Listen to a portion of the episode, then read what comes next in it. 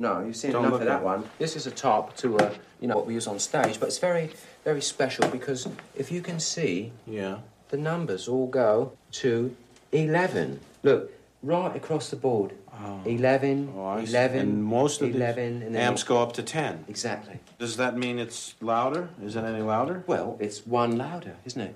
It's not 10.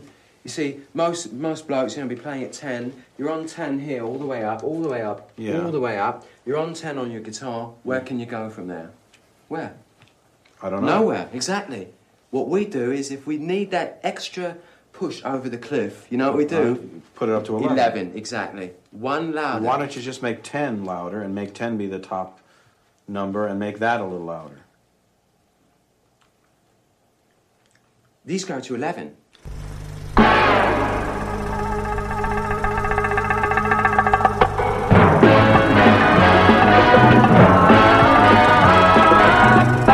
Comes to entertainment, you can't beat a good film.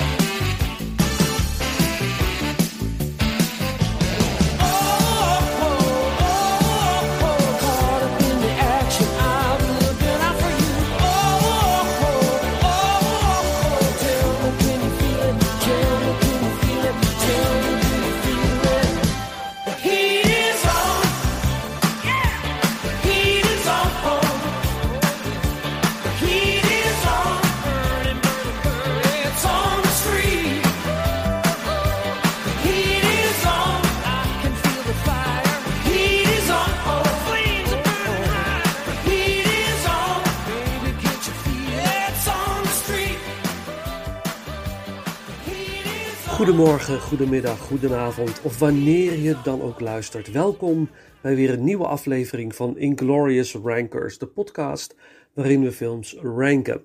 Van franchise tot filmjaar, van actrice tot componist. Deze week de eerste van drie afleveringen ranking filmjaar 1984. Opgenomen samen met Willem Vlag, die jullie vast nog wel kennen van de Ranking 80s Coming of Age podcast van enkele maanden geleden. Natuurlijk zijn we ook benieuwd naar jouw 1984 ranking en deel dat met ons via de bekende social media kanalen. Voor de intro hoorden jullie een fragment uit de 1984 klassieker This is Spinal Tap. Na de intro The Heat is On uit Beverly Hills Cop door Glenn Frey. En voordat we overgaan naar de daadwerkelijke ranking, nog een tractatie. Alvast een track van een andere eh, 1984 classic Gremlins. Het nummer Mega Madness door Michael Sambello. Let's get going.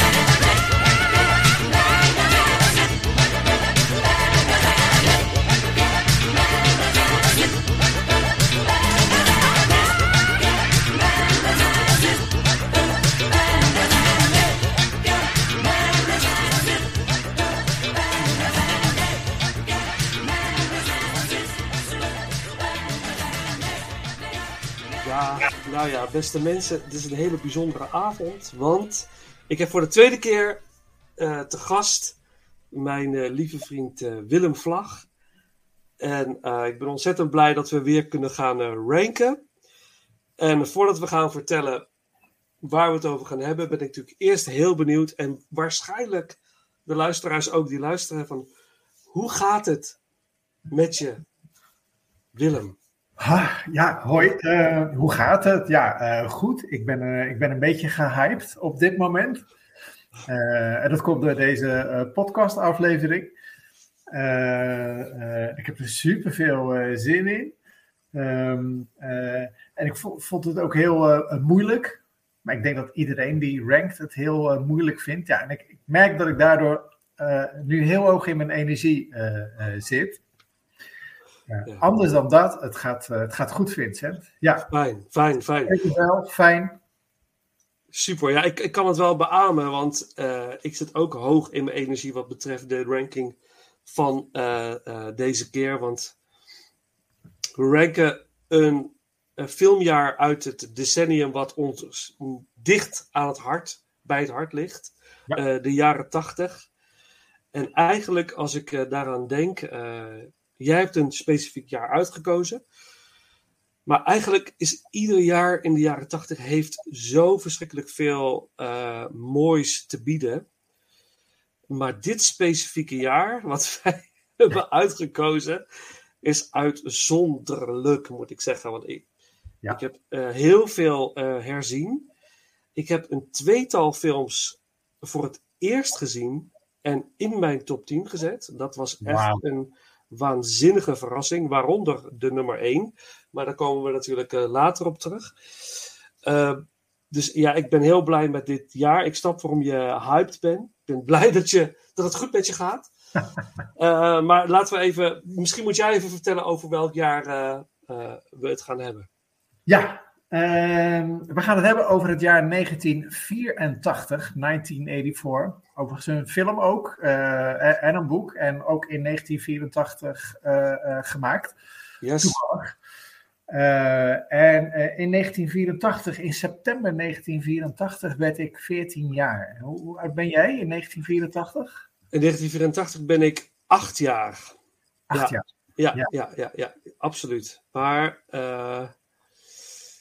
nog steeds heel veel eh, gezien in dat jaar, eh, eh, heb ik gemerkt in mijn lijst. Dus ja, Ja, ik, ik vind 1984, eh, om maar even te roepen, hè, toen, toen, ging, toen stopte Doe maar ermee, om maar eens wat te noemen. Maar het maakte heel veel indruk op mij. Nou ja, ik, ik had niet zoveel met de muziek, maar alle meiden op mijn school die waren helemaal in de ellende. En, eh, maar Marvin Gaye ging ook eh overleden in 1984. Nou, dat vond ik dan weer hele toffe eh, muziek. Ehm, ja, dat zijn zulke, voor mij zulke bepalende tijden geweest. Als je zo 13, 14 jaar bent. Ja, ik. dus ja, eh, we hebben dat jaar dan wel gekozen, Vincent, 1984. Maar laten we eerlijk, dit is niet te doen. Niet te doen. nee, het is, het ja, dat klopt. Het is bijna niet te doen. Eh, trouwens, over Doe maar, daar is een hele mooie documentaire van een aantal jaar geleden. Heb je die gezien? Eh, hoe heet die documentaire? Laat, laat ik dat gelijk even opzoeken. Eh, dat gaat over de carrière van Doe maar en over inderdaad over het afscheid in 1984. En wat dat teweegbracht inderdaad bij de, de, de meisjes, wat je zegt vooral. Ja, ja. En in die documentaire zit een specifiek fragment dat eh, Dit is alles heet het, uit 2013. Heel interessante documentaire. En dan vertelt Henry Vrienden ook dat hij op een gegeven moment, dat zal 83 zijn geweest, of misschien begin 84, dat hij op het podium stond. En eigenlijk een soort van volwassen teksten zong. Maar dat de meisjes van 8, 9 jaar huilend Ja. voor, de, voor het podium stonden. Dat, dat ik op dat moment dacht van... Ja, maar dit is... Dit klopt niet. Nee. ja, Heel goed voorstellen. Ja, ja, toch? Eh, maar nu op tegenwoordig is het zo dat alles is voorhanden. Hè? Eh, Iedere artiest kun je gewoon downloaden en kun je streamen. Eh, destijds was het, was, doe maar, was, die kon je niet, daar kon je niet zomaar aankomen. Je had, je had een single of een LP. En daar had je allerlei fantasieën bij of gevoelens bij. En het moment dat je ze zag, het was een euforie, een, een, een, een, eh, eh, een, een historisch moment in je leven. Maar dat is nu natuurlijk totaal anders. Mhm. Dus die, die, die meisjes beleefden het op een hele andere manier dan dat hij het eh, voorzien had eigenlijk. Ja. Heel interessante documentaire. Dit is alles. Kan ik iedereen aanraden om eens te kijken. Uit 2013. En Vincent, nou, eh, omdat het toch niet te doen is, hè, dat hele 1984. Eh, en dan doe ik even eh, een beetje kansberekening. Hè. Dus het zou Ja. kunnen dat we dus twintig totaal verschillende films gekozen hebben. Dat zou Dat kunnen. kan. Ja, absoluut. Eh, Ja. Van de misschien wel 150 meer titels die, eh, die eh, er zijn. Eh, kan, kan jij eens een paar films noemen die het bij jou helemaal niet gered hebben? Waar je, Ja. waar je spijt van hebt? Want daar Ja. heb ik ook wel een paar van. Oké, mooi. mooi. Zal ik daarbij starten? Ja, doe het. Dus dat is zeg maar de, de, de lijst van. spijt van hebt. Ja, ja de, de lijst van honorable mentions. Ik zal in ieder geval de, eh, even de, nummer, de, de titels noemen die erin hadden moeten staan, maar waar ik dacht van ja, oké, goed, die kunnen ook buiten de top 10 staan. Maar dan een aantal waarvan ik denk van ja, die hadden er eigenlijk in moeten staan, maar ja, in vergelijking met wat er nu in staat. Oké, oké, here we go. Oké, dan heb ik, eh, ik ben zo benieuwd of jij ze dan wel in je top 10 hebt. Maar dan moet je, mag, Ik hou je van niet zeggen. Ja, oké, dan hebben we. Wat niet in mijn eh, top 10 staat is eh, Teachers. Een leuke film met Nick Nolte onder andere. Het onverwacht mooie Love Streams van de Canon Group. Under the Volcano. A Soldier's Story. Ronja de Roversdochter. Hmm. Birdie. Oh, dat was ook met Ah. pijn in mijn hart. Birdie. Ja. Eh, Savage Streets. Dat is met de dame uit The Exorcist, Linda Blair. Eh, Het is een volslagen foute eh, gritty city films. Ik hou echt van gritty city films uit de jaren tachtig. Eh, geweldige film. Savage Streets. Falling in Love met Robert De Niro en Meryl Streep. All of Me, Steve Martin. Stranger Than Paradise. Purple Rain, Prince. Crimes of Passion met Kathleen Turner en Anthony Perkins. Ook als je het niet gezien hebt, die film kunnen ze in deze tijd echt niet meer uitbrengen. Dan zou die echt geboycott worden over de hele wereld. Dat mag niet en zo bla bla. Crimes of Passion. Fantastisch. The Bounty. Geweldige over-the-top acting van Mel Gibson en Anthony Hopkins. Een jonge Mhm. Anthony Hopkins. The Muppets Take Manhattan. Toxic Avenger. Star Trek 3, The Search for Spock. ja. Ik, mijn favoriete 80s eh, Star Trek film, by far. Maar oké, staat er niet in. Ja. Eh, Night of the Comet met pijn in mijn hart.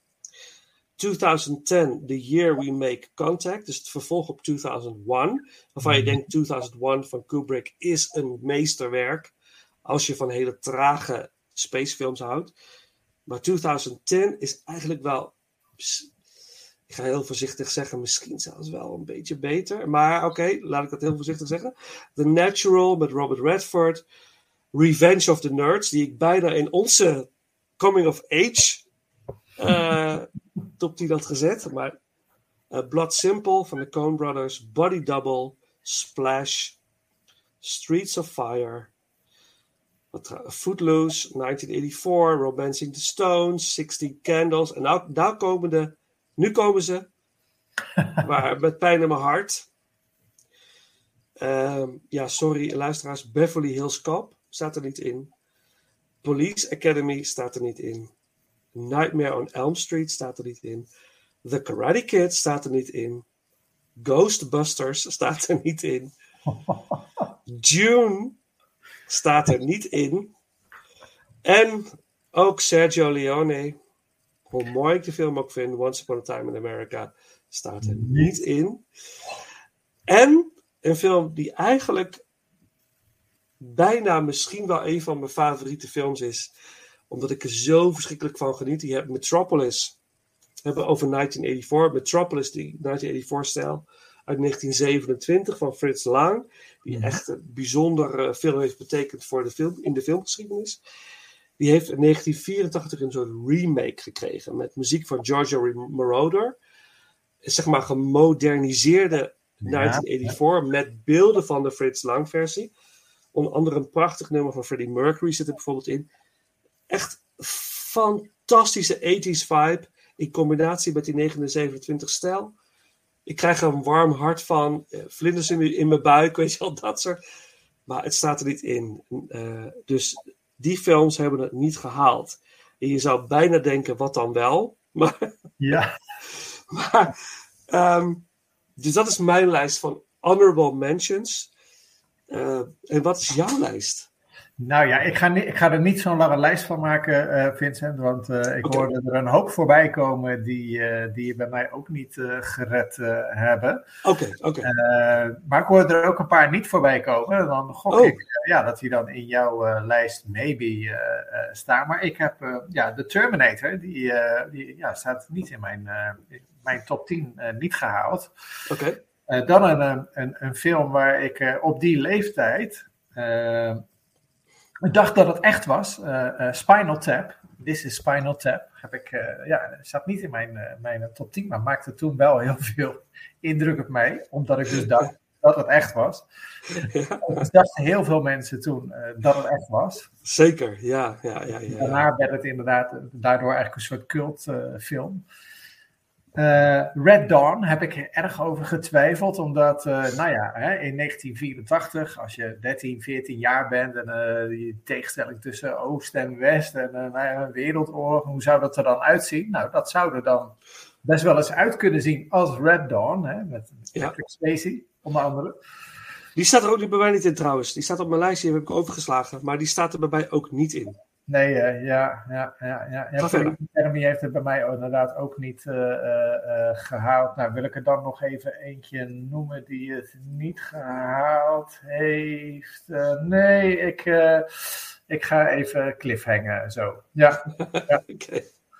Oh, nou man, ja, moeilijk niet te doen dit. Ja, maar we hebben toch een top 10 eh, samengesteld. Ja. En ik denk dat, dat eh, de 10 films die we hebben wel eh, de moeite waard zijn om te bespreken. En ik denk ook, vooral ook, eh, misschien de mensen die luisteren die nog nooit één van de films gezien hebben die wij nu vanavond bespreken. Ik denk dat we wat voorbij gaat komen echt wel classics zijn in de filmgeschiedenis, op wat voor manier dan ook. En ik vind het altijd mooi. Ik had het er vanmiddag nog over. Ik ga ergens in februari of maart. Ga ik met mijn zoon een aflevering opnemen. Met Sam. En hij is 15. En hij wil graag de Spider-Man films ranken. En hij vroeg aan mij dit weekend te zeggen: Ja, maar luister nou eens even. Zegt hij, maar, maar moet ik het nou ranken op eh, kwaliteit? Of wat de wereld vindt? Of moet ik het op mijn moet ik mijn persoonlijke visie geven. Of mijn persoonlijke... Ik zeg, ja, ik zeg, Sam, je moet je persoonlijke ranking geven. Dus niet iets wat de wereld vindt of wat anderen vinden. Wat vind jij mooi? En dat geeft ons een eh, goed gesprek. En ik denk dat dat, eh, het feit dat we eh, films bespreken vanuit ons gevoel, vanuit ons hart, dat dat juist triggert om te zeggen, oh, dat moet ik eens gaan bekijken. Of, of dat hetzelfde gevoel bij mij oproept. en, dus ik ben heel ontzettend benieuwd naar wat eh, jou aan het hart ligt. Ja, want eh, wat mij aan het hart ligt, eh, dat is soms het hart dus van die 13 of 14-jarige. eh, Absoluut. Zeker. En, en soms Ja. ook het, hart wat ik nu heb hoor. Ja. ja, ja, nee, er zit een hoop nostalgie aan vast, denk ik. Aan als je inderdaad iets doet uit het verleden. Ja. Maar ik heb ook een aantal films voor het eerst gezien en in die top 10 geplaatst, omdat deze films een. Ja, ik, we, zullen, we komen natuurlijk straks op, maar ongelooflijk veel indruk op mij hebben gemaakt. En dat. ja, daar, daar komen we straks vanzelf op. Eh, ik heb jou, voordat we gingen starten met de opname, heb ik gevraagd: heb je een munt? ja, Ik heb het ook in de. Ja, super. Ik heb het ook in de vorige aflevering gevraagd. Is er iemand die een munt heeft? Want we moeten eigenlijk een kop of munt doen. Om te bepalen, en laat het lot bepalen wie start eh, met eh, de eerste in, de, in de lijst. Ja. En eh, zeg het maar, wat, waar, waar ga jij voor? Kop of munt? Eh, voor de kop. Alright. Nou, dan ga ik automatisch voor de munt. Ja, ja, ja. Doe jij dan eh, de sound effects terwijl ik nu het muntje gooi? Dat lijkt me een prima plan. Oké. Let's go. Daar gaat hij. Ja, het is uh, kwetsie. Het Nee, is, het is kop. kop. Dan mag jij starten. Ja, Ik starten. het lot bepaalt. Nou, Ik, ik trap meteen maar af met eh, een mega hit uit 1984. Misschien wel eh, ja, de, de meest beprijsde film uit die tijd. Maar dat wist ik toen allemaal niet. Nee. Ik heb het over Amadeus. Aha. de film Amadeus, ja. En eh, ja, je vraagt je misschien. eh, nee, ik zal even kort vertellen eh, waar het over gaat. We hebben het over Amadeus Mozart. En ja, die, die leren we in die film kennen. Ja, ik zeg als een soort rockstar. Hè? Zo, zo, Ja. zo, zo leeft hij. Ja. Van God los. En er, er is ook sprake van een, van een, van een aardsvijand, Salieri. Eh, en eh, nou ja, goed, die, die, eh, die, die zitten elkaar behoorlijk eh, dwars. Althans, Salieri zit Mozart vooral dwars. Want Mozart die leeft er gewoon op los.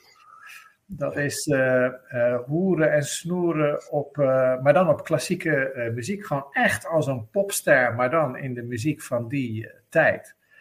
Ja. En ehm, eh, ja, waarom, waarom heb ik hem überhaupt in mijn, in mijn lijst eh, staan? Eh, nou ja, dus dit is even de, de 13 of 14-jarige die Amadeus overkomt.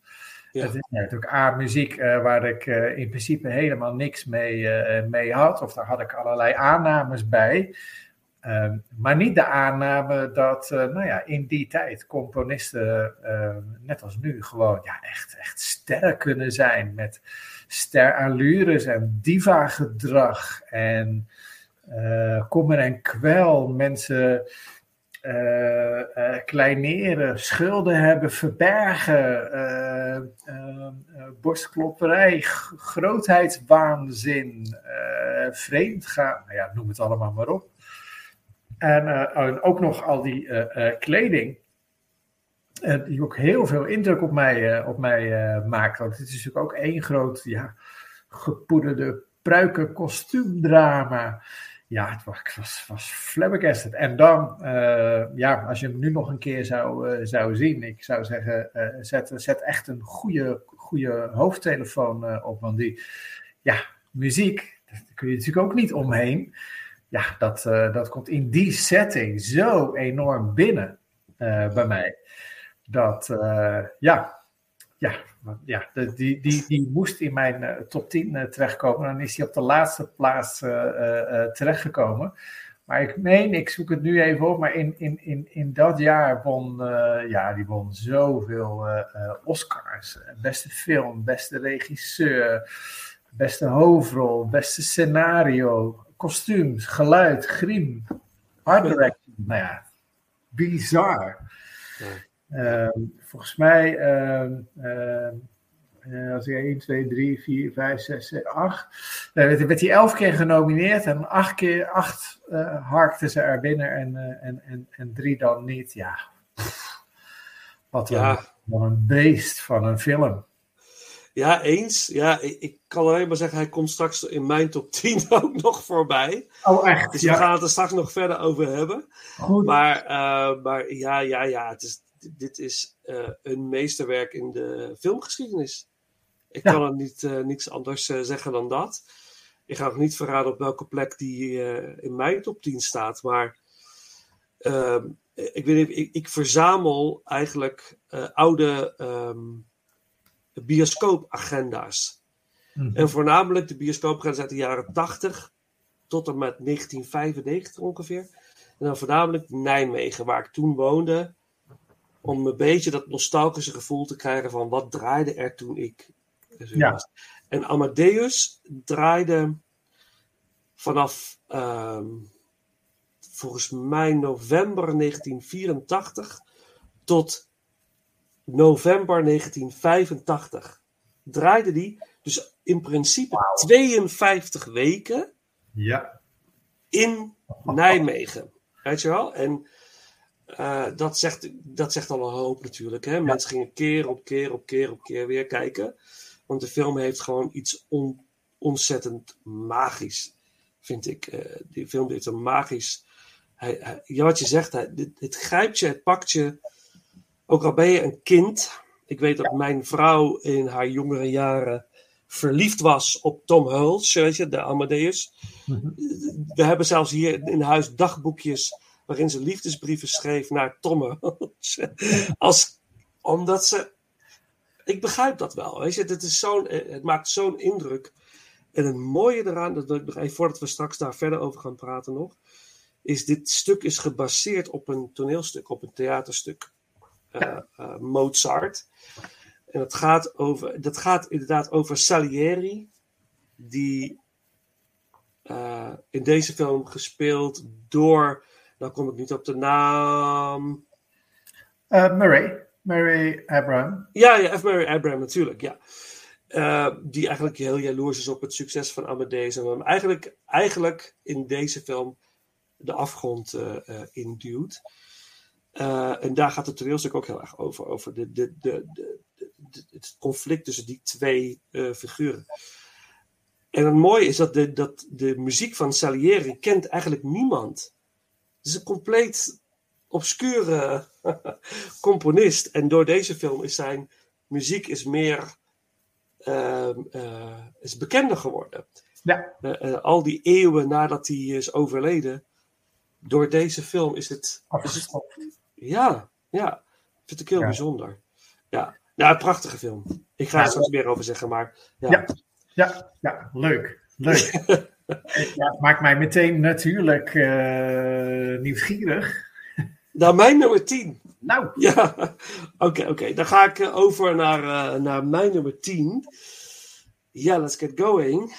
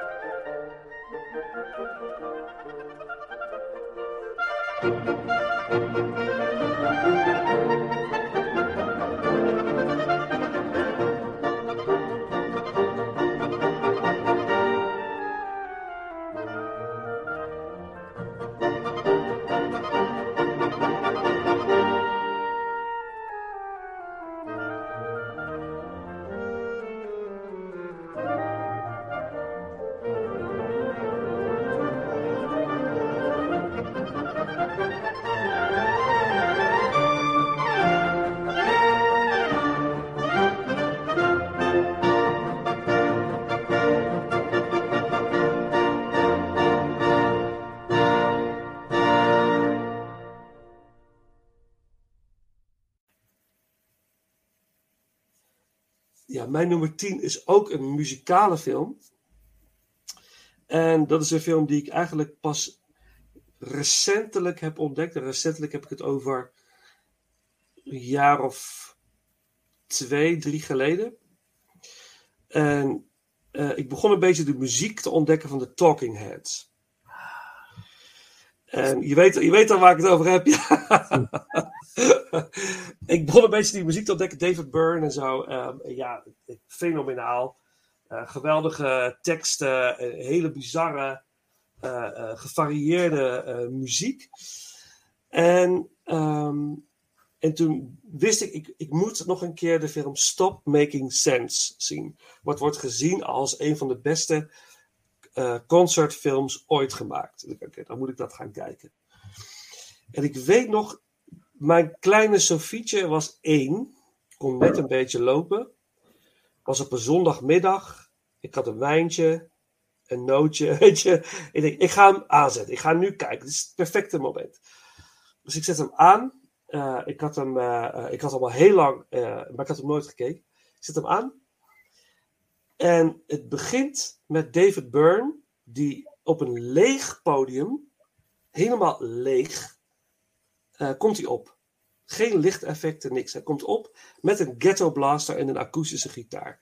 Hij zet die ghetto blaster op de vloer en hij zegt: Hi, I have a song I want to play. En hij drukt op play op die ghetto blaster en er begint een beat. Tak, tak, tak, tak, tak. En hij begint met zijn gitaar erover te spelen. Gaat Psycho Killer, dat nummer gaat hij spelen.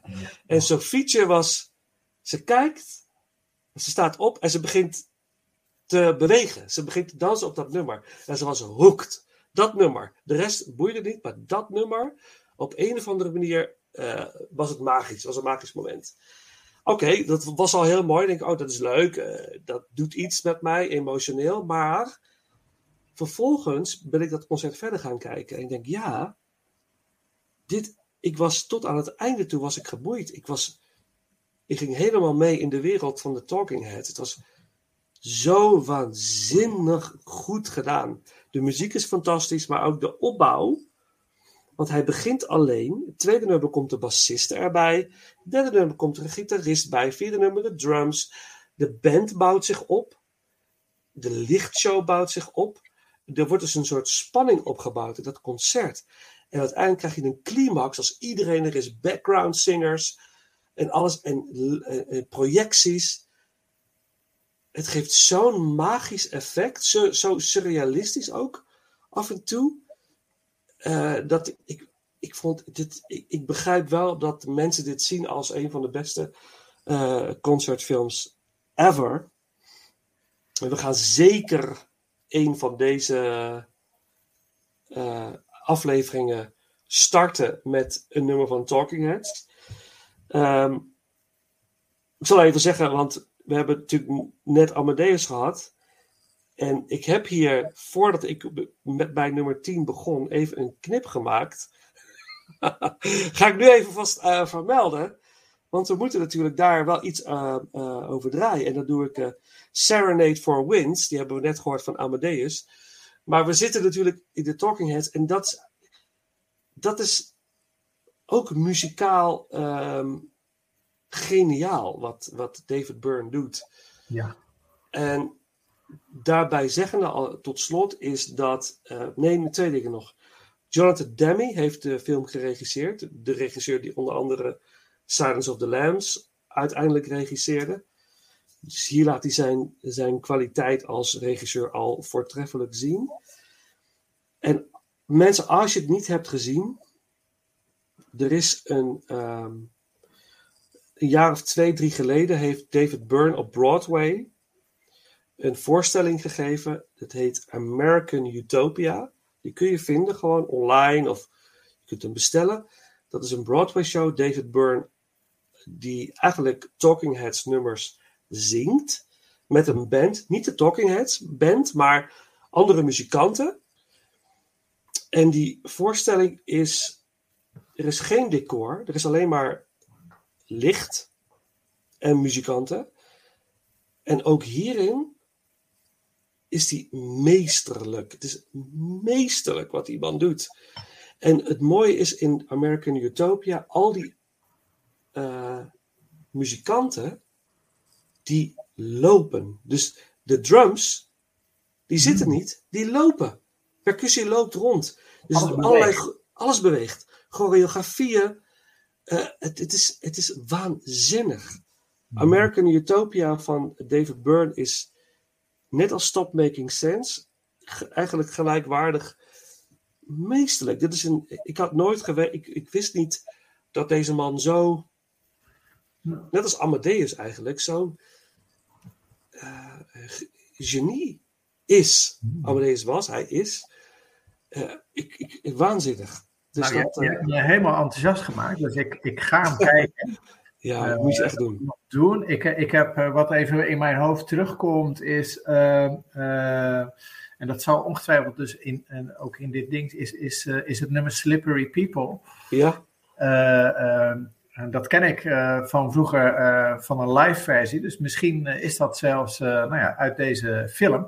Ja. Maar is het dan een, een concertregistratie, Vincent? Hoe, ja, waar, ja. waar ga ik naar kijken? Ja, het is een concertregistratie. Dus het is, wat ik begrepen heb, in twee avonden opgenomen. En twee cameraperspectieven. Er zijn een aantal soundstage opnames toegevoegd qua geluid. Maar de band heeft gezegd, we willen dit... Je moet dit live opnemen. Want met het publiek erbij hebben we een andere dynamiek. Hm. Waardoor je dus als publiek ook in de bioscoop voelt wat het wat het met ons doet op het toneel.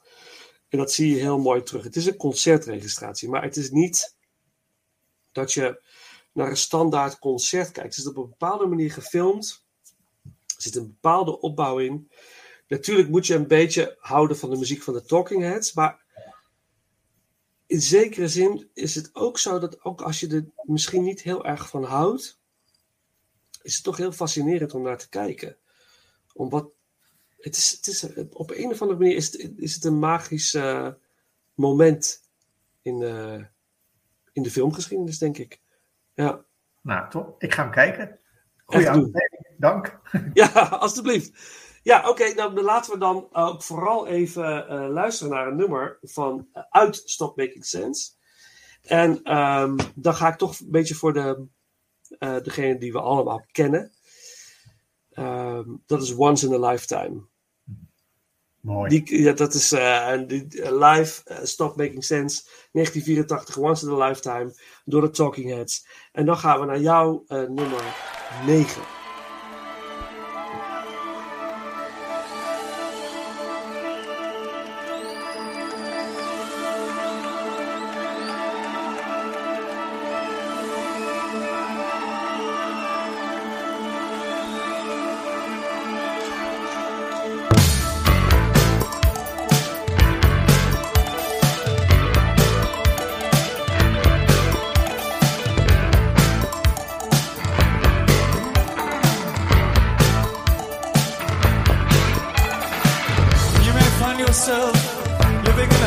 In a shack.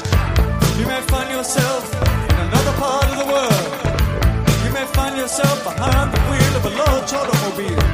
You may find yourself in a beautiful house with a beautiful wife. You may ask yourself, well, how did I get here? Letting the days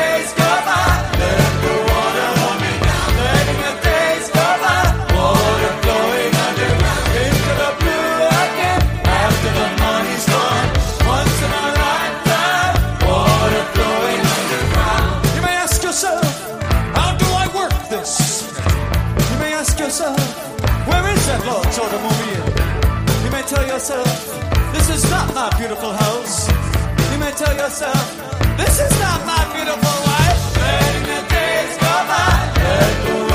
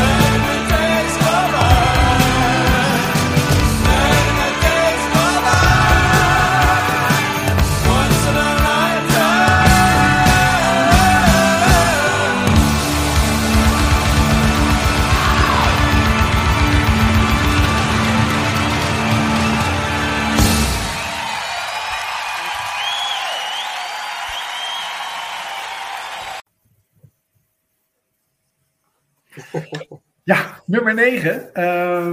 ja, ik, ik, eh, eh, alle keren dat ik tot nu toe een Inglorious Ranker was, dus dit is mijn tweede keer, eh, stop ik er ook iets uit Nederland in. Dat wil ik ja, vandaag, vandaag weer doen.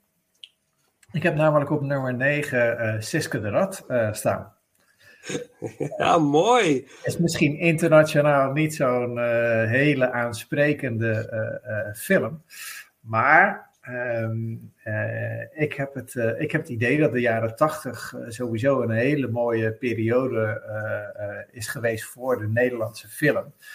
Ja, en als een film, als je die echt overal op straat hoorde, dan, dan was het toch wel sowieso de titelsong, hè, Danny de Munk.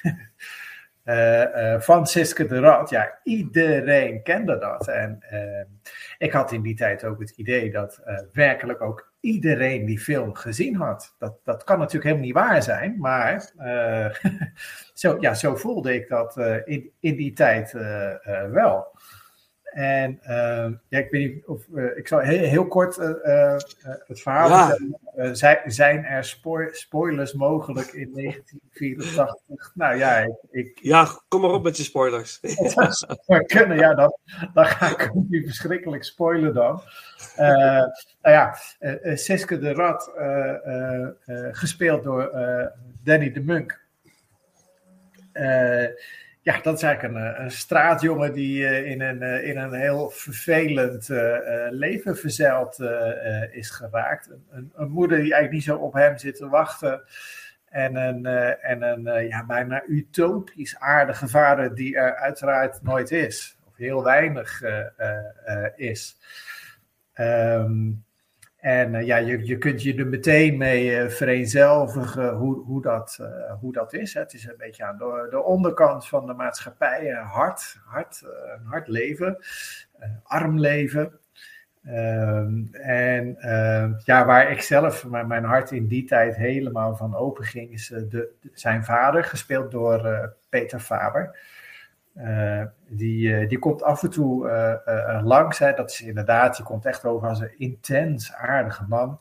En die heeft ook een vriendin. En daar wil ik het eigenlijk eventjes over hebben. Dat is helemaal niet zo super de belangrijk voor de, voor de film. Maar Tante Jans, gespeeld door Linda van Dijk, vond ik denk ik ook een hele mooie vrouw in die tijd. Die vond ik ook zo intens lief. Als je die dan vergeleek met zijn, met zijn echte moeder, eh, gespeeld door Willeke van Amelrooy, een heks van een vrouw, wat een secreet. Eh, ja, dat was zo'n mooie, mooie tegenstelling. Nou ja, eh, dus ja, waar, waar gaat het eigenlijk over? Een, een straatjongen die voor galg en rat opgroeit. Ook een beetje probeert te ontsnappen aan dat vervelende thuis. Haalt heel veel kattenkwaad uit. Eh, hij heeft ook wel wat, eh, wat eh, vriendjes. Ja, oh ja, het boek. Het boek moet ik natuurlijk ook even noemen. Hij, krijgt van een van, van die vriendjes een, een boek. Gulliver's Reizen. Een boek dat ik zelf ook heel graag las. Kon je heerlijk bij wegdromen. Nee, zoals ook bij in de film. En waarom is dat boek nou zo belangrijk? Ja, ergens in een ruzie met zijn moeder wordt dat boek eh, stuk gemaakt. En ja, Siske wordt daar zo boos van. Eh, ja, pa- pakt een mes en in, in, in ja, wanhoopsdaad ja, vermoordt hij zijn moeder. En eh, als je de film kijkt, ja, je snapt helemaal dat dat eh, gebeurt. Dus ja, je denkt, ja, dat, dat, dat verdient ze. Maar dat is natuurlijk niet hoe de maatschappij in, in elkaar zit. Dat hoor je niet, niet te doen. En zo verdwijnt ja, Siske dan ja, een internaat in waar, nou ja, echt, wat een naar leven. En eh, het brengt ook de relatie van, eh, van zijn vader met, eh, met die intens lieve vriendin in gevaar. Want ja, wie wil nou ja, trouwen met de vader van een, van, een, van een moordenaar? Nou ja, je voelt het drama overal. Hè? ja. Ik, ja, komt het, komt het nog eh, goed? Ja, uiteindelijk wel. Eh, Siske die, die verricht een heldendaad aan het eind van de film. En die, hij, hij, hij wordt heel erg gepest, maar hij, hij redt een, een jongetje van de verdrinkingsdood. Een heldendaad. Als je neemt een leven en je redt een leven, laten we zeggen, hè, het staat kiet, zullen we het zo zeggen. En ehm, nou ja, daar, waardoor, daardoor wordt eh, Siske als het ware weer in, in genade aangenomen. En eh, ehm, ja, komt het dan toch nog eh, goed. ja, mooi. En dan eindigt de film met... gebleven worden tot, tot die daad. Allemachtig zeg. Dat, ja. Fantastisch. En dan, Ja. eindigt, en dan eindigt de film met. Vergeet nu maar je zorgen. Weet je dat? Dat liedje. Dat moeten we zeker even draaien, natuurlijk. als Ja, afsluiter van even. Maar wat, wat, wat, eh, eh, wat deed de film met jou? Heb je hem in de bios, eh, bioscoop gezien? Ja, ik heb hem toen tijd in de bioscoop Ja. gezien. Ja. Ehm, en ik vond, ja, ik heb sowieso iets met, met accenten. Ik ga daar heel makkelijk in mee. Dus dat, dat had ik sowieso aan het eind van die film. Alsof ik in Amsterdam geboren was. Nee, maar ik kan mij ook echt herinneren dat ik, dat ik ook heel erg moest huilen. Van, van eh, verdriet, maar ook boosheid eh, in die eh, film. Ja, dat is toch wat film echt met je kan doen. Hè? Als je erin zit, gewoon helemaal vergeet dat je in die bioscoop zit. En ik vond het zo oneerlijk. Zo oneerlijk dat de, dat de regels zo zijn. Ja, ik had zo begrip voor wat daar gebeurde. Ja. Ik was ook zo boos op al die, die pestende jongetjes. Ja, ik denk misschien hè, dat er in alle kleine jongetjes wel een, een- een vorm van, van hè, ik, ik ben onbegrepen. Zoiets, hè, dat je je daar wel een beetje mee kon eh, vereenzelvigen toen in die tijd. Ja, Ja. heel emotioneel. Ja, Ja. bijzonder, bijzonder. Ja, Gaaf, gaaf dat hij in je top 10 staat. Ja, ik had hem eigenlijk moeten noemen in mijn honorable mentions, want ik heb hem wel overwogen eigenlijk, maar hij staat, ik heb hem niet genoteerd. Hij staat niet in mijn top 10, maar ehm, ik heb zeker eh, een grote liefde voor, eh, voor deze film. Guido Ja. Pieters, eh, Danny de Munk. En laten we vooral niet vergeten dat het, de titelsong is geschreven en gecomponeerd door twee van mijn grote helden, Herman van Veen en Erik van der Wurf. En ehm, ik, we gaan zeker, ik denk dat we zeker zo even, ik voel me zo verdomd alleen, moeten voorbij laten komen. Dat, dat Ja. moeten we doen, dus die gaan we sowieso draaien. ik wil het wel even noemen, want Ja. eh, eh, het is eigenlijk een remake. Hè? De, want in Ja. de jaren 50 is er al een film gemaakt, eh, Siske de Rat. Klopt, ja. Of, eh, ehm, ehm, Piet Bakker, dat is eigenlijk de schrijver, die, die, ja, die heeft drie boeken geschreven over Siske. Siske de Rat, Siske groeit op en Siske, eh, of Sis de Man, zo heet het, Ja. eh, het boek. Tweede zijn ook echt eh, eh, verfilmd. Ja, Ehm, eh, maar 1955, dan is er ergens al een eh, kopie te vinden van, eh van Siske. Ja. Ik heb Ja. daar wel een recensie van eh, gelezen. Van mensen die beide films eh, hebben gezien. Want ik kon, ik kon die oude versie niet, eh, niet vinden. Maar en? ja, het schijnt, eh, want het is gewoon een heel sterk verhaal. Dus ja, als, je, als je goed het verhaal volgt, dan, eh, dan kun je het eigenlijk niet eh, verprutsen. Gaaf, gaaf. En eh, nou ja, dat, is, dat is dus kennelijk gelukt. Twee keer. Ja, ja, nou, het was een gigantisch succes in, in 1984 natuurlijk. Want je zegt dat je het gevoel dat iedereen hem had gezien. Dat, Danny de Munk was natuurlijk een enorm grote, grote ster vanaf dat moment. Dat was is een enorme BN'er. Ja, Ja, hè? Ja, heel jong natuurlijk. Maar, zijn, hè? Een Nederlands kind, ja. ja, heel bijzonder. Ja, het is, het, is een, ik- het is een hele speciale film. Guido Pieters, regisseur. Eh, het, ik heb hem in de bioscoop ook gezien. Ik heb, ik heb van deze film, hoewel ik nu denk als ik Willeke van Ammelrooy zie in die tijd, in eh, eind jaren 70, begin jaren 80, de lift, denk ik ja, het is bijna een soort van droomvrouw. een prachtige vrouw, vind, vind ik persoonlijk. Ik vind haar echt heel mooi. Eh, maar in deze film speelt ze inderdaad. Daar laat ze ook wel zien wat voor actrice ze is, natuurlijk. Het is waanzinnig wat, zij, eh, wat ze laat zien. Eh, Dus ik sowieso een paar, paar hoofdrollen even, even noemen. Want er zit Ja. een beetje de crème de la crème van de Nederlandse acteursgilde eh, zat erin. Hè? Ja. Eh, nou ja, Willeke van Ammelrooy, zeker. Eh, Peter Faber. Eh, ja, in die tijd groot. Linda van Dijk had ik net genoemd. Rijk de Gooier Ja. zit, zit in de film. Willem Nijholt, voor wie het nog wat zegt. Ja, ja. Nijholt. Wat een smeerlap is die in deze film ook weer. ja. En, Fantastisch. En, en jouw Herman van Veen, dat is de, de meester, hè? meester. Bruins. Ja. Eh, ook een hele vriendelijke Ja, eh, eh, man. Ja, dat was. Goh, ja, wie zat in de film? ja echt. Ja, maar ik, ik weet dat ik, ik zat in een bioscoop en ik kan me nog herinneren. Soms kun je bepaalde dingen herinneren uit je. en dat, ik weet nog dat de zaal helemaal vol zat. Dat het een uitverkochte zaal was.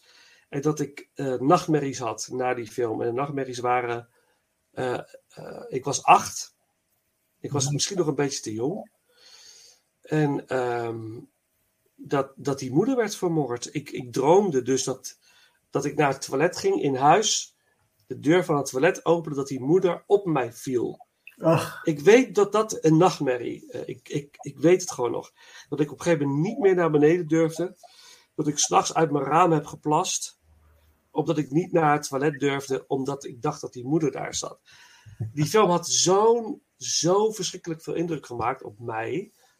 En eh, dus het is, het is ja, ik, ik- het is volgens mij wel een van de eh, beste Nederlandse films. ik zit me nu te bedenken, nu jij dat zo vertelt, Vincent. Eh Siske de Rat, dat, ik denk dat wij dat in Nederland zien als een familiefilm. Ben je dat eens? Ja, zeker.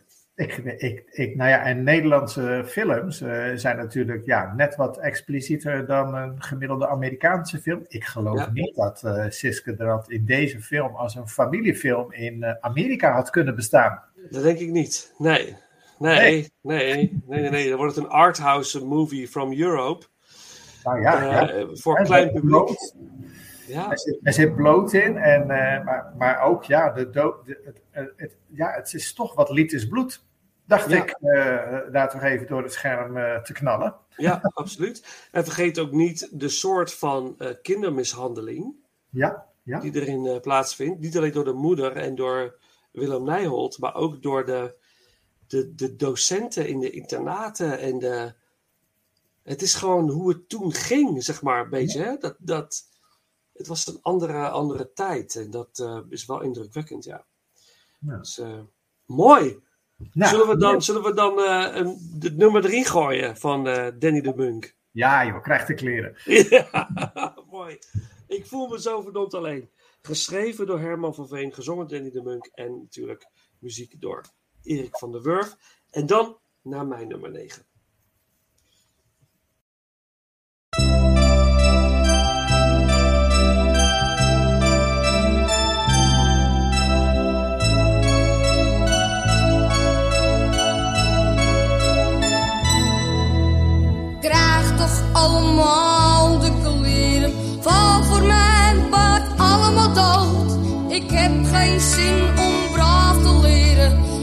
Toch wel in de goot. Kinderen willen niet met me spelen. Noemen me raad en wijzen me na. De enige die me wat kan schelen, die is er nooit. Dat is mijn pa. Mijn moeder kan me niet verdragen. Nou doe ik iets voor haar goed. Om liefde hoef ik ook al niet te vragen. Scheld is alles wat ze doet. Geen wonder dat mijn pa is van varen. Ik mocht niet mee, ik ben te klein. Ik moet het in mijn eentje klaren. Tot die ooit weer terug zal zijn. Had ik maar iemand om van te houden. Twee zachte armen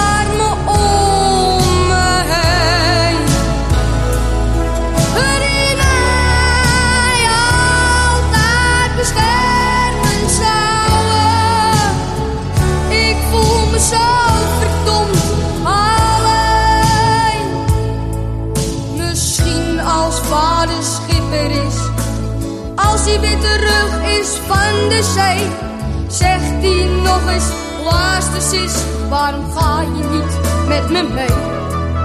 Ik ben toch ook nog maar een kind, kan het niet helemaal alleen.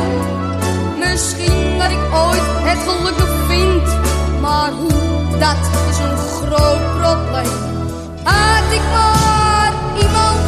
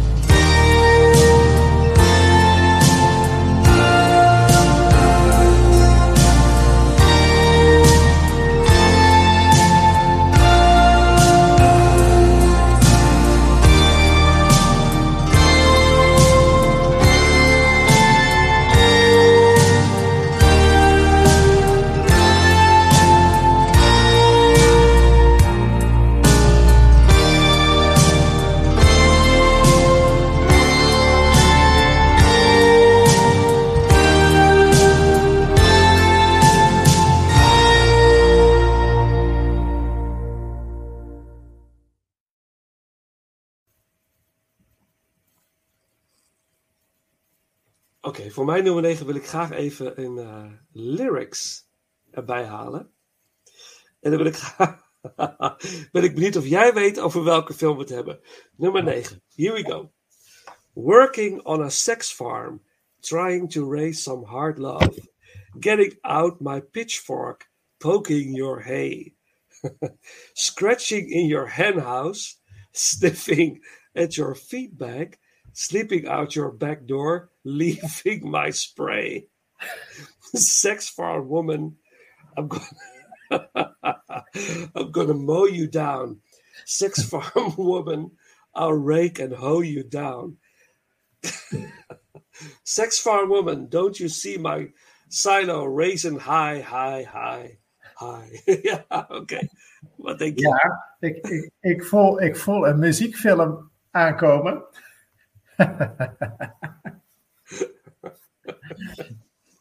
Ja, klopt. This is Spinal Tap, toch? This is Spinal Tap. Ja, Oh man. ja, ja, ja. ja. This is Spinal Tap. Ehm, eh, eh, ja. Een film die ik ook een paar jaar geleden echt voor het eerst heb gezien. Toen ik een beetje in de mockumentary eh, vibe was. Zal nog een paar andere benoemen die ik door deze film heb eh, ontdekt. Maar jij noemde hem net al, natuurlijk. Eh, jij vertelde al van, ik dacht dat het echt was. En eh, ik zag ook bij de trivia op IMDb dat heel veel mensen ook destijds dachten dat het, dat het daadwerkelijk een documentaire was. Ehm, hier is bijvoorbeeld een van de, de trivia dingen in, op IMDb is after the film opened, several people told Rob Reiner, Rob Reiner is de regisseur, Mhm. onder andere regisseur van Stand By Me, die wij hebben besproken in onze vorige eh, podcast. uh, that they loved the film, but they should have chosen a more well-known band for a documentary. dus die mensen hadden totaal niet in de gaten dat dit om een mockumentary ging. Het gaat dus over, over een. Je, je volgt eigenlijk een rockband on tour, die eigenlijk soort van bekend is geweest, maar eigenlijk downhill gaat. En eigenlijk zoekende is om weer on top of things te komen. Dat is een beetje wat, uh, waar de film over gaat. En je volgt die band en het lijkt alsof het een documentaire is. Maar het is niet echt een documentaire. Het is gespeeld. Maar het voelt zo levensecht. Dat je echt het idee hebt dat je naar een, naar een documentaire aan het kijken bent. Dat is zo uh, verschrikkelijk goed gedaan. Uh, de gitarist van U2, The Edge, zegt ook in het interview: I didn't laugh, I wept. It was so close to the truth. Ja. Dus dat is heel bijzonder, dat de bizarriteit die je in deze film dus ziet, dat het ook heel erg dicht bij de waarheid komt. Bij hoe, zeg maar, rockbands in die tijd uh, ja, on tour gingen en wat ze allemaal meemaakten. En ook de, de soms de bizarre filosofische gedachten die ze hebben. Uh, die, die echt, ik, van alles en nog wat. Ja, van alles en nog wat. Het is al, ik, zal er één, uh, ik heb er één hier opgezocht en die wil ik echt even delen. Uh, dan wordt een van de gitaristen wordt, geïnterviewd in de mockumentary. En dan gaat het over de versterker die hij gebruikt. en dan, dan zegt hij, hij heet Nigel, Nigel. En zegt hij, the numbers all go to 11. Look, right across the board. 11, 11. En zo, oh, I see. And most amps, zegt de interviewer dan, goes, go up to 10. Yeah, exactly. Weet je, uh, en dan zegt die interviewer weer, does that mean it's louder? Is it any louder? Well, it's one louder. Is dit? Dus dan gaat het helemaal over die ene, het ene streepje op die versterker. En dan gaat hij. En dan zegt aan het einde van het interview, zegt die interviewer, zegt, why don't you just make 10 louder? And make 10 be the top number. And make that a little louder. En dan zegt hij, dan zegt hij Nigel, dan zet hij heel erg glazig naar de camera te kijken. Yeah, but these go to 11. Weet je, dat, dat- ja, ik, ik heb het dan niet meer. Ik, kan, ik, ik heb zo ontzettend gelachen. En weet je wel, en die zegt wel, well, this piece is called Lick My Love Pump. Dan, ja, dan ben je me al kwijt. Ik vind het zo. Ja, maar het, het- ze, ze parodiëren zo goed de, de absurditeit van songteksten, hè, die er nou eenmaal eh, eh, eh, is. Ja, Ehm, eh, de, de, de gestoorde dingen die, die in het echt, bij echte grote rockbands ook echt gebeuren. Hè, zoals bijvoorbeeld eh, verdwaald raken backstage. En dan ja. Oh ja. je hem niet meer kunnen vinden. En daarvan is ook bekend, eh, dat, dat, dat gebeurt in het echt ook wel eens. Eh, dus dat, dat hebben ze zo briljant goed gedaan. Ja. ja. En een- ook een, een bekende verwijzing naar heel veel bands. Ehm, ja, ik weet, ik weet niet, niet of je dat weet, maar eh, heel veel grote rockbands die versleten vroeger drummers bij de Vleet. Ja. Dat zijn nog gewoon niet eh, de meest eh, creatieve eh, mensen. Moeten gewoon de, de die, ja, die sopen dronken ook als een, als een ketter. Ja, die, ging- ja, die, die, gingen dood of die trokken het niet meer. Nou, dan nam je gewoon een nieuwe. En Spine, Spinal Tap, die, die verslijten dus ook drummers. ook wel zes of zo in één film. Ja, het- Ja, maar het mooie is dat al die drummers op een of andere manier exploderen. Dat is, dat is zo fantastisch. Ik En ze interviewen eigenlijk vrijwel de hele film de nieuwe drummer. En al die oude drummers zijn geëxplodeerd op een of andere reden. En je zit dus echt te wachten in die film van... Gaat deze drummer nou ook op een zeker moment exploderen? Ja, en die payoff die krijg je op een gegeven moment. Ja, het is... ja. Ja, ik, ik heb zo verschrikkelijk genoten van deze film. Ik, dit is. Ja, dit, dit is zo fantastisch. Eh, Dat, en eh, daarbij, ehm, Christopher Guest is een van de acteurs en een van de schrijvers. En ehm daar wil ik graag aanraden om. Hij heeft nog meer mockumentaries gemaakt, Christopher Guest. Dan heeft hij Waiting for Guffman. Dan is hij zeg maar een, een eh, Broadway-regisseur die eigenlijk niet meer op Broadway kan regisseren door een incident wat daar heeft plaatsgevonden. Dus dan moet hij in een of ander klein dorpje, gaat hij een amateurclub gaat hij, eh, regisseren. Nou ja, als je een beetje in theater thuis bent, is dit echt genieten geblazen. Maar hij heeft ook een film, die heet Best in Show. En dat gaat over de bizarre wereld van de hondenshows. Dat mensen dus eh, hun hond gaan tentoonstellen of in shows gaan. eh, en al, al de, de dramatiek en de hysterie daaromheen. Ja, het is, eh, het is ja, de films is... Al die eh hondengroemende mensen dus nu. Ja? Eh, Wat? ja, ja, ja, kammend, feunend. De hond moet wel precies goed staan. Ja, het is fantastisch. Het is heerlijk. Die, Ja, en, en, ja, De, een van de mooiste manieren om, eh, om, om dingen belachelijk te maken is toch eigenlijk wel zo'n mockumentary. ja, absoluut. Er zouden er meer van moeten zijn. Ja, en ja, in Nederland hebben we natuurlijk Arjan Edeveen gehad, hè, 30 minuten in de jaren 90. Als eh, Oh ja. een, van de, een van de weinigen, denk ik, in Nederland die dit heeft gedaan. En op een fenomenale manier. Dat mensen ook die tijd dachten mensen ook daadwerkelijk dat, ehm, eh, dat het een documentaire was. Dus op de Nederlandse kijker dacht ook, ik zit naar een documentaire te kijken. Dus waanzinnig knap gedaan. ehm. dus dat, eh, ja. Ja, Willem, ja, het Ja, is mijn ja. nummer 9. Dus ik, ik, Ja, hij eh, heeft mij niet eh, gehaald, maar eh, oh, wat ben ik blij dat hij er bij jou dan toch in zit. Heel wat fijn. En dan laten, laten we dan alsjeblieft even gaan luisteren naar de, de, het nummer waar ik de lyric net van uitsprak. Het, ja, het, de, het nummer Sex Farm van,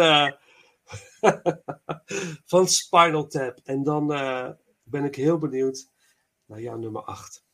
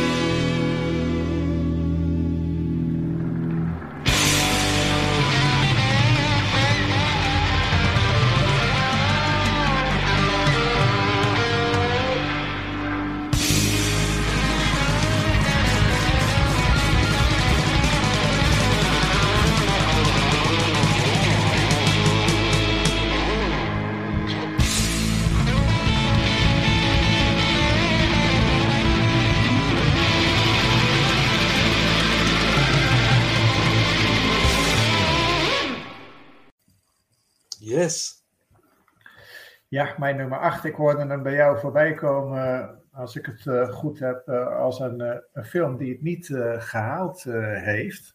Mhm. Ehm, terwijl ik eigenlijk weet dat je wel fan bent van het genre, Vincent. Ik heb, ik heb uit 1984 eh, A Nightmare on Elm Street. Ja, goed zo. Blij dat je dat hebt gedaan. Ik hoopte het stiekem. Ah, ja, want het, dat hele thema, hè, niet in slaap vallen, ja, dat, dat kan ik me dus nog echt, eh, echt herinneren. Ja. veel te spannend voor mij toen. Ja, misschien wel een klein traumaatje aan overgehouden toen. Ja. Eh, ehm, maar ik heb hem heel recent, eh, twee weken geleden, nog een keer gekeken. dacht ik, man, wat zit die film goed in elkaar, zeg. Ja, ja, het eigenlijk maar een paar special effects die, eh, ja, waarvan ik dacht, ja, dat, eh, dat gaat nou niet op. Maar verder is supergoed. Ik, ik doe maar even kort het, eh, het verhaal, het, voor wie het niet kent. Ja, er is een groepje jongelui die in hun, in hun dromen, of in hun nachtmerries beter gezegd, ja, bezocht worden door een heel eng figuur.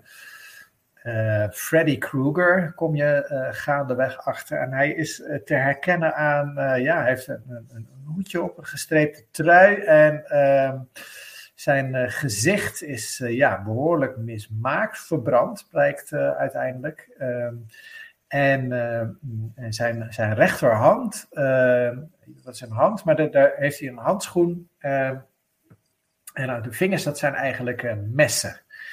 En eh, een van de features in de film is dat hij met die messen vaak langs eh, metalen voorwerpen gaat. En dan krijg je heel hoog eh, geluid. Dus goed, ja, allemaal jongelui aan de nachtmerrie. Ze komen ergens ook eh, erachter dat ze allemaal ook een beetje dezelfde nachtmerrie hebben. Dat maakt het wel een beetje creepy. Ehm, en dan, ja, dat, ik vond dat toen heel schokkend. Maar als Freddy in jouw nachtmerrie jou iets aandeed, bijvoorbeeld hij sneed in jouw arm dan, en je werd wakker, dan had je dus ook echt een snee in je arm of een scheur in je kleding. Heel benauwend. Echt heel benauwend.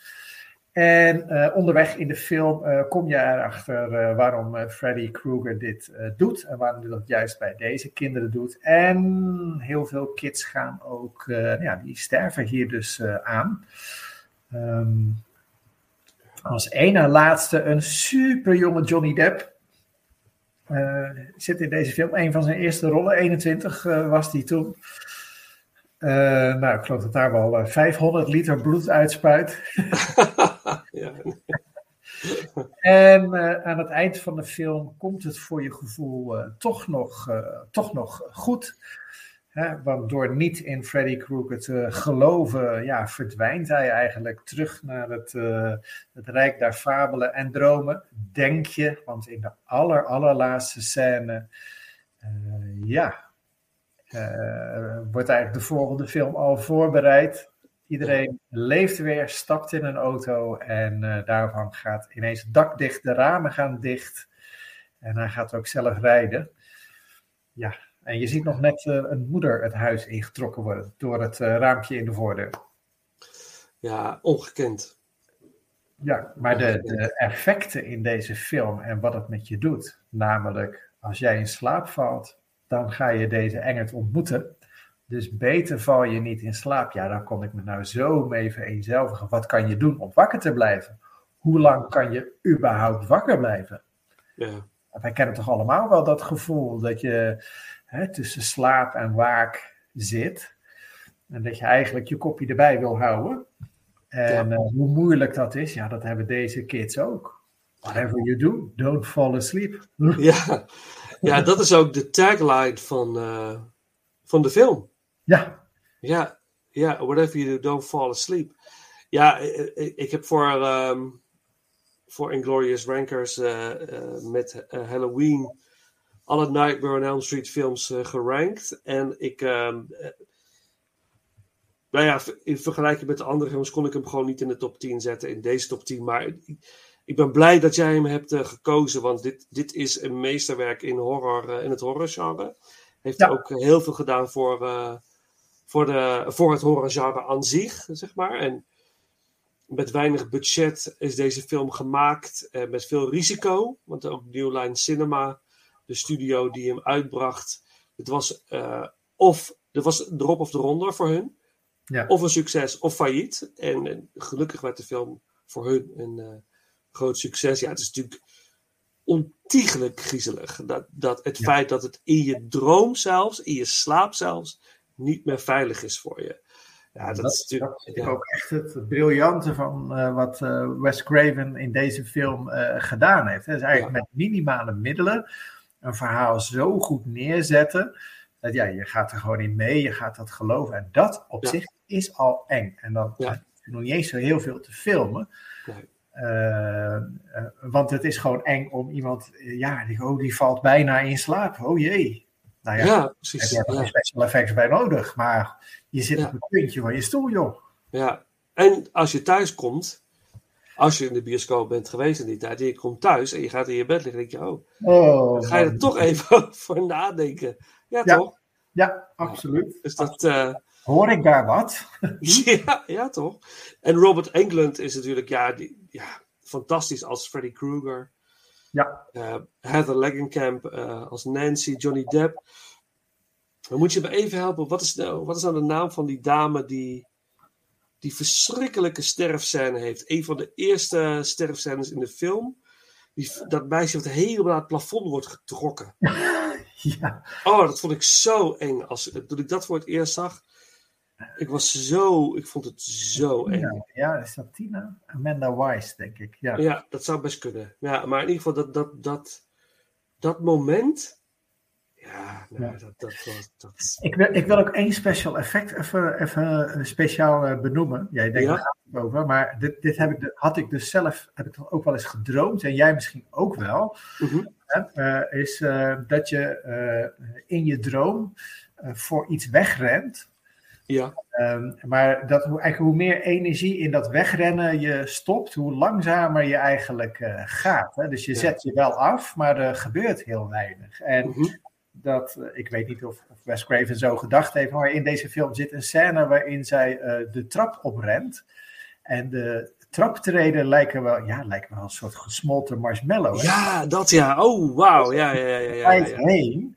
En Ja. ja, maar, dat, maar dat had ik zelf ook wel eens gedroomd. Zoiets, hè? Ja, dan niet op een trap, maar wel dat je, ja, jeetje, dat de spullen al niet eens meer meewerkten, weet je wel? Ja, ja. Wow, ik vond dat een partijtje eng. Ja, dat... vreselijk. Ja, dat klopt. Ja, dat kan ik me heel goed herinneren nog. Ja, af- ja, ja fantastisch. Wat goed, man, dat hij erin staat bij jou. Ja, nou ja, jij hebt voor mij Spinal Tap eh, eh, gered. Heb ik voor jou Nightmare on Elm Street gered. Ja, goed zo. Mooi zo. Nou, ik, ik denk dat, dat eh, de volgende film... Ik, ja, ik denk dat die in ons bijna top 10 staat. Misschien wel in dezelfde... Op dezelfde plek, maar eh, dat moeten we gaan zien. Mhm. Ehm, maar eerst even een stukje muziek natuurlijk. Kan niet anders uit Nightmare on Elm Street. En laten we dan ehm, eh, kiezen. Ja, daar zit ik even te denken. We kunnen de main title doen. Volgens mij zit daar alles wel in. We doen dat. En de muziek is van Charles Bernstein. Ehm, ook, eh, die heeft ook bepaald. Hij doet bepaalde mooie dingen met, eh, met eh, het akkoordenschema en het notenschema. waardoor, maar goed, dat, luister maar gewoon. Eh, Charles Bernstein, de main title uit A Nightmare on Elm Street. En dan door naar mijn nummer 8.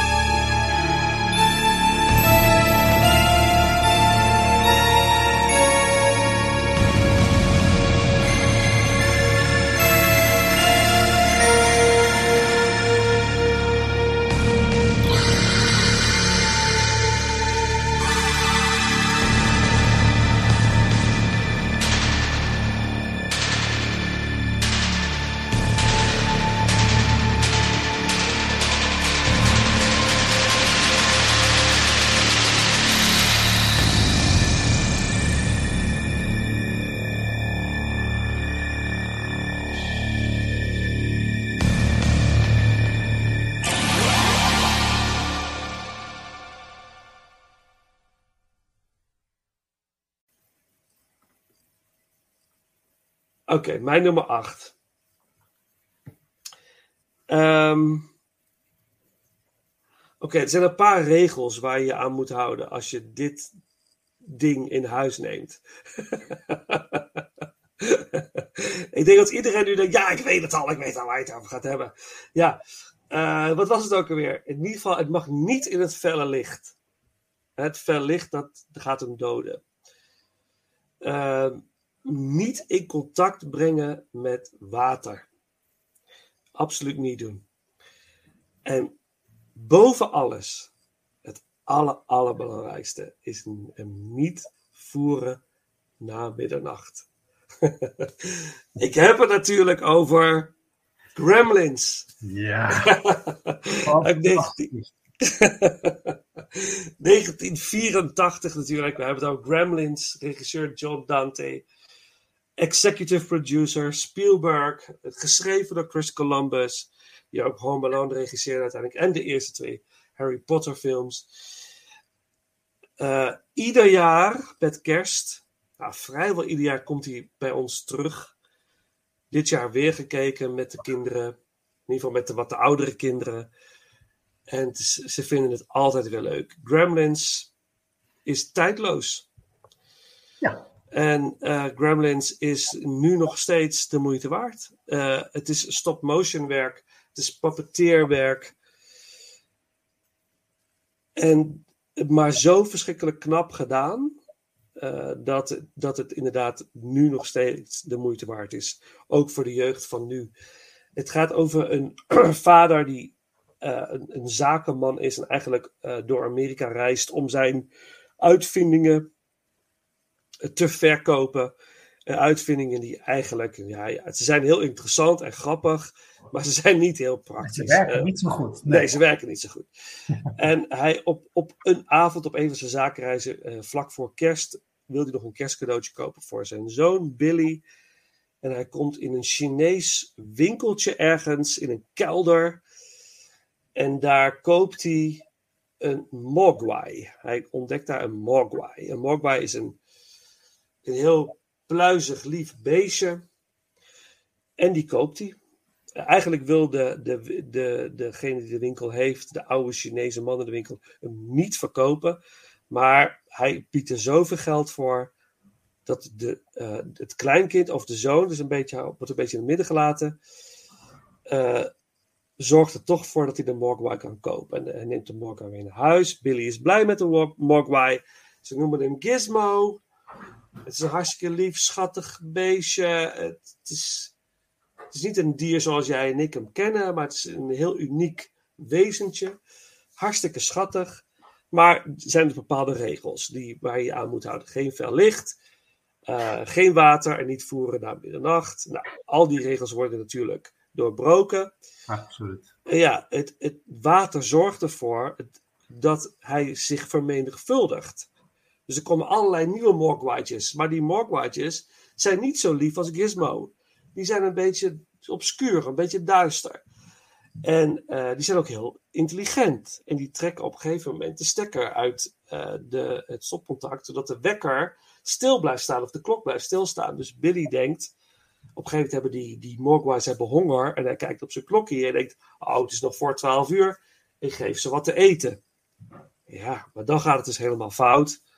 Want dan worden die Mogwais worden gremlins. En gremlins zijn vreselijk vervelende monstertjes die de hele, het hele dorp waar Billy woont op stel te zetten, mensen daadwerkelijk vermoorden. Dat ook. Het is echt horror eigenlijk, waar we naar zitten te kijken. maar ook waanzinnig komisch. En ja, het is aan Billy eigenlijk om, en Gizmo, om eh, de gremlins eh, te stoppen. Om ervoor te zorgen dat dit ophoudt. Dus hij gaat massamoord plegen. Hij gaat al die gremlins vermoorden. Dus dat is eigenlijk wat er gebeurt. En dat is waar die film. En het speelt zich allemaal af tijdens kerst. Daarom zeg ik, ieder jaar komt het terug met kerstmis. Het speelt zich af met kerst. Het is een kerstfilm. Het was een waanzinnig succes. En het is Kwam hij eigenlijk toen ook in kersttijd uit, eh Vincent? Ja, ja, ja. Ja? ja, Ah. In ieder geval in Nederland draaide die eh, eh, met kerst in de bioscoop. Evenals Ghostbusters, dat waren zeg maar de twee eh, grote concurrenten. Eh, Eh, ja, ik hou van Gremlins. Ik vind Gremlins eh, fantastisch. Ja, ik ben, het, eh, ik ben het helemaal met je eens. eh, eh, Vincent. ik vond het ook echt een fantastische film. Ik, ik- in die tijd vond ik sowieso, hè, als de naam Spielberg viel, dan, dan, dan wist je gewoon dat je goed zat. Ja, in, in, in- zeker in die eh, eh, periode. En eh, ja, het, het, ja, je hoort jezelf praten. Is aan de ene kant echt horror. Eh, Er gebeuren verschrikkelijke dingen. eh, maar ja, tegelijkertijd moet je er ook enorm, eh, e- enorm van lachen. ja. Ja. En, eh, maar ook een beetje, ja, heeft ook een beetje het moraal van het verhaal. Hè. God, dan heb je al die, die regels gekregen. Maar eh, die, die Chinese meneer neemt dat super serieus. Maar eh, in mijn beleving dan, hè, de gemiddelde Amerikaan, die doet ook maar wat. Hè. Allemaal maar half geluisterd. En eh, ja, toch doen. Ja, fantastisch. Ik, ja, eens. ja. Komt hij nog voorbij bij je? Jazeker, hij komt er meteen, eh, ook voorbij, heel snel Oh. al. Oh, oké. ook oh, is het misschien jouw nummer 7? Ja, het is mijn nummer. zeven. Nou, dan kunnen we eigenlijk gelijk doorgaan. Dan Ja, kunnen, ja, we, kunnen we hem gelijk doorpakken. Eh, dat is jouw nummer 7. Dat is super tof. Dat is mijn nummer 8, jouw nummer 7. ja. Ehm, En ik heb eh, hem eh, heel recent dus nog weer even zitten kijken. Want Ja. ik had me echt op, op verheugd. ja. En ehm, ik, ik merkte, ja, jij kijkt hem dus elk jaar. Ja. Ja. Ik, ik merk een beetje drie gedeeltes in de film. Ik vind het hele begin van de film echt supergoed. Gewoon hoe, eh, hoe eh, Mogwai of Gizmo neergezet wordt hè, als een soort... Ja, ik, laat ik het een koala-beertje noemen, zoiets. Hè. Eh, ja, het is zo schattig. Ja, ja. heel schattig. Maar ook alles wat er speelt, hè, want het is ook een beetje een soort Scrooge-verhaal. Er zijn ook mensen die hebben financiële problemen en er loopt een, een hele rijke mevrouw rond die heel naar doet eh, tegen iedereen. Eh, zo dat, hè. Dus dat vind ik heel, eh, heel sterk. Het duurt ook best wel lang voordat je dat beestje te zien krijgt. Dat vind ik ook altijd heel sterk. ja. Als je dat heel lang uit weet te stellen. Ehm, ik vond het super spannend als dan de gremlins ontstaan. Hè? En dat kan ik me van vroeger dan ook nog wel, wel herinneren. Want als er water op gooit, dan, dan groeien er een soort bobbels op hun rug. Ja. Als, als pingpongballen. Hop, schieten, sch- schieten al die beestjes eruit. Dat ook heel spannend, want ja, hoe weet je dat je ze allemaal te pakken hebt, hè? als je ze dan om moet brengen? En hoe, en hoe ga je dat dan eh, eh, doen?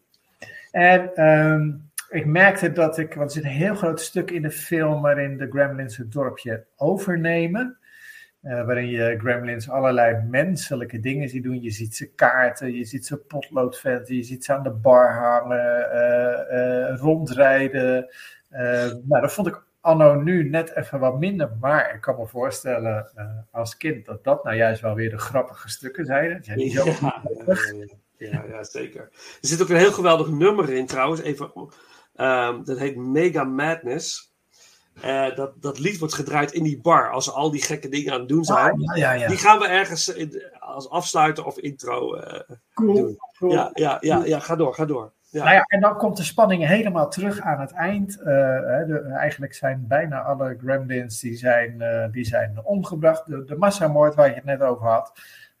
en, eh, maar dan blijkt eh, de, ja, de White Stripe de slechtste van allemaal. Die was net even in de winkel ernaast snop halen. Dus die heeft het overleefd. Nou ja, het, het einde van de film, de, de, de, het laatste kwartier, denk ik, gaat erover ja, hoe, eh, hoe, hoe, ja, hoe, hoe breng je dan de meest snode gremlin alsnog eh, om?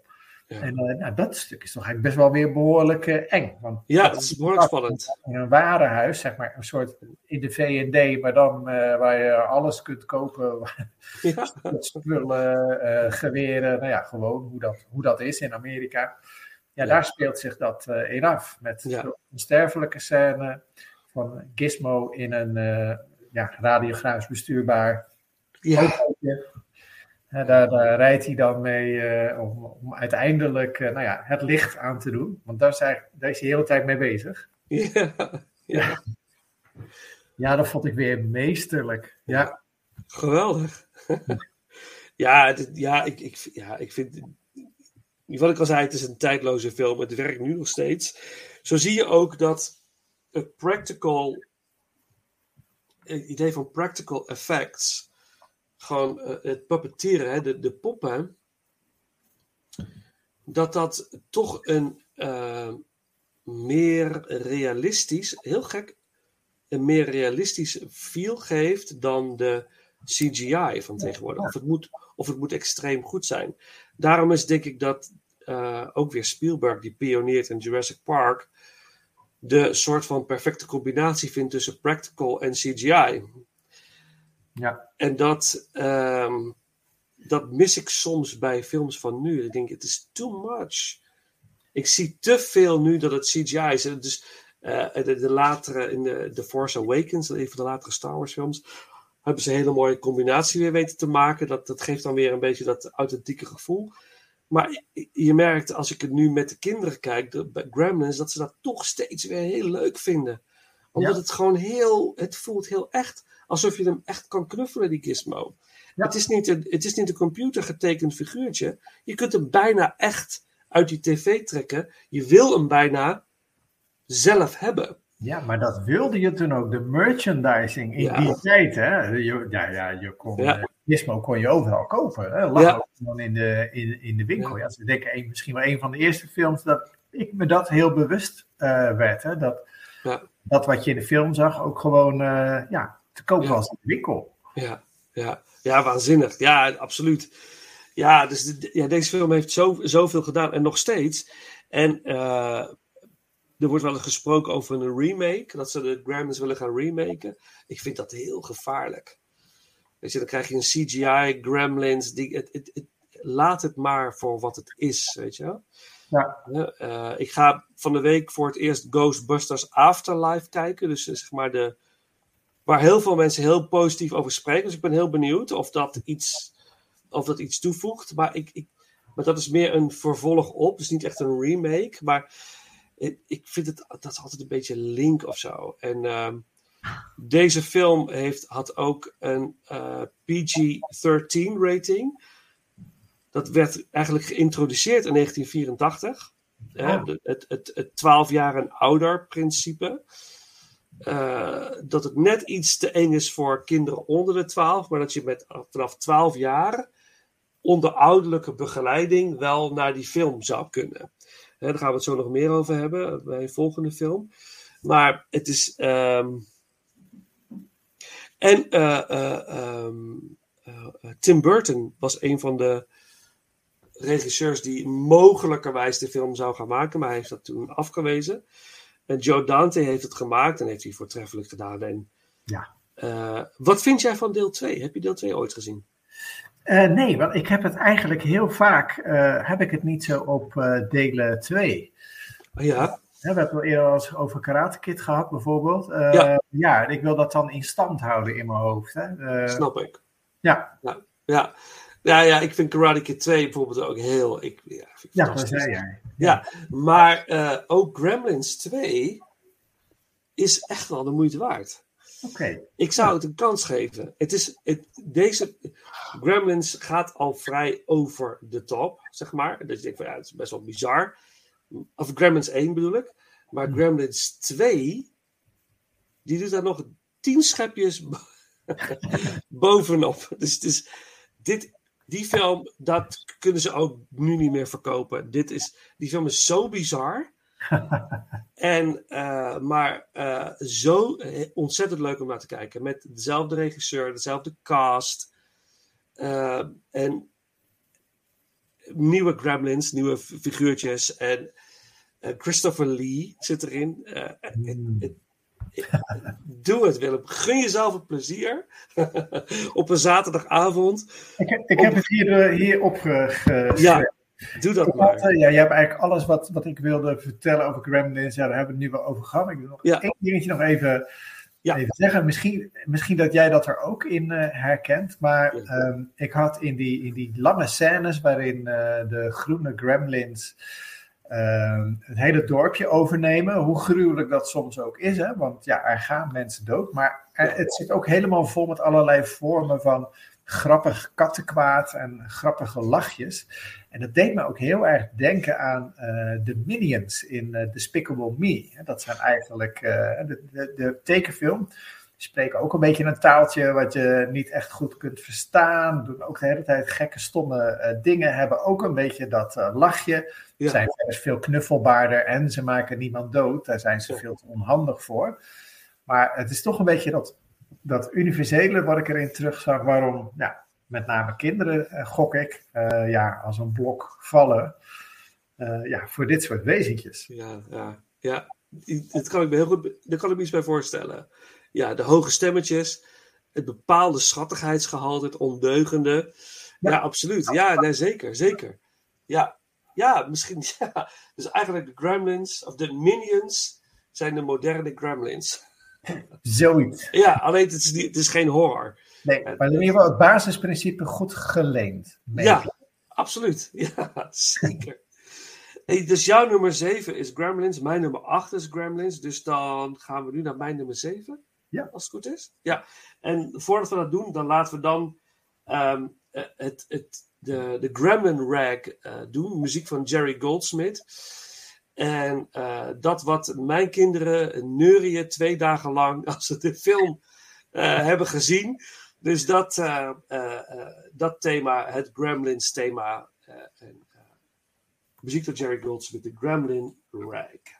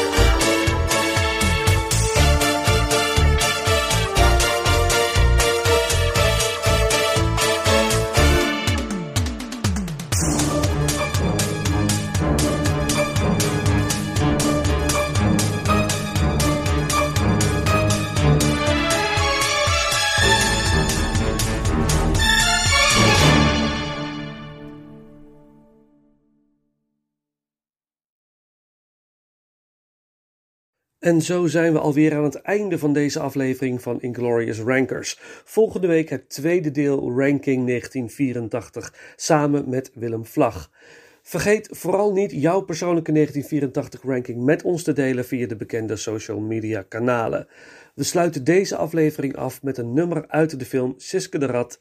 Vergeet nou maar je zorgen. Muziek van Erik van der Wurf en Herman van Veen. En natuurlijk gezongen door Danny de Munk. Beste mensen, voor nu bedankt voor het luisteren en tot de volgende ronde.